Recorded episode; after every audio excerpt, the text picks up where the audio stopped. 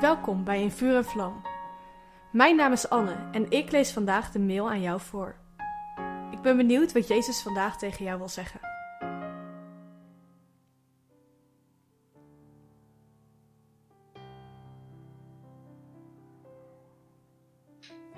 Heal my heart and make it clean. Open up my eyes to the things unseen. And show me how to love like you have loved me. Break my heart for what breaks yours. Everything I am for your kingdom's cause. As I walk from earth into eternity.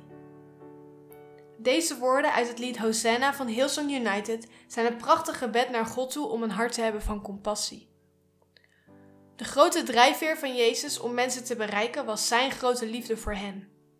En keer op keer lezen we in de Bijbel hoe Jezus medelijden en compassie voelde voor zijn volk. In Matthäus 9, vers 37 lezen we hoe Jezus de Israëlieten ziet als schapen zonder herder. Hij ziet hoe de mensen verloren zijn en hij is met innerlijke ontferming bewogen. Het zijn woorden die we in het Nederlands niet vaak horen, laat staan gebruiken. In het Engels staat hier compassion, wellicht meer bekend, maar in het Grieks staat er het woord splagnisomai. Dit betekent zijn ingewanden draaiden om. Dit is wat Jezus voelt wanneer hij zijn verloren schapen ziet. Het doet hem gewoon fysiek pijn. In de Evangeliën zien we veel voorbeelden waar Jezus door onze innerlijke ontfermingen bewogen wordt. Denk bijvoorbeeld aan het bekende verhaal van de vijf broden en twee vissen in Matthäus 14. Dit was een geweldig wonder van Jezus. Maar weet je wat er vooraf gaat aan dit wonder?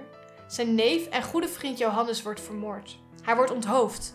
Wanneer Jezus dit nieuws hoort, trekt hij zich terug om te rouwen. Maar dan ziet hij een grote menigte zieke, zoekende en verloren mensen. De sterke emotie van rouw en verdriet wordt overmand door de nog sterkere emotie van compassie en liefde die Jezus voelt.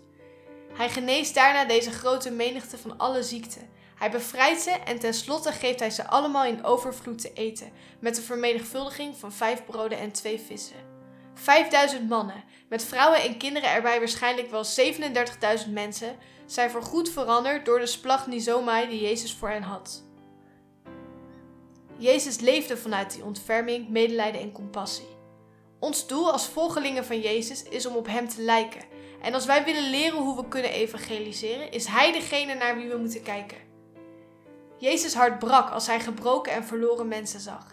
En vanuit diezelfde emotie mogen wij leven. Wanneer wij deze hartsgesteldheid gaan krijgen, is het niet meer de vraag of we deze niet-christelijke collega het goede nieuws gaan vertellen, maar wanneer en hoe we dat gaan doen. Toch is de realiteit dat we vaak niet zoveel liefde voelen voor onze naasten. Hoe krijg je dat? In 1 Johannes 4 staat: Wij hebben Hem lief omdat Hij ons eerst heeft liefgehad. Het begint allemaal bij Zijn liefde voor ons. Hij houdt zo geweldig veel van ons.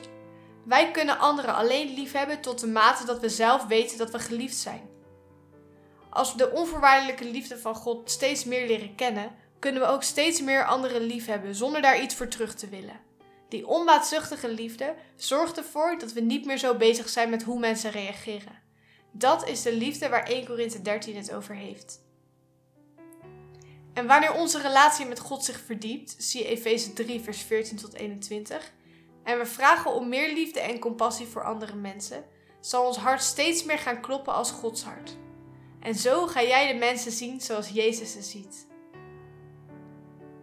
Neem de komende dagen de tijd om eerlijk te zijn naar God toe en vraag Hem om je hart te vullen met compassie en liefde voor de mensen om je heen. Je kan de woorden van het lied Hosanna gebruiken als gebed naar God toe.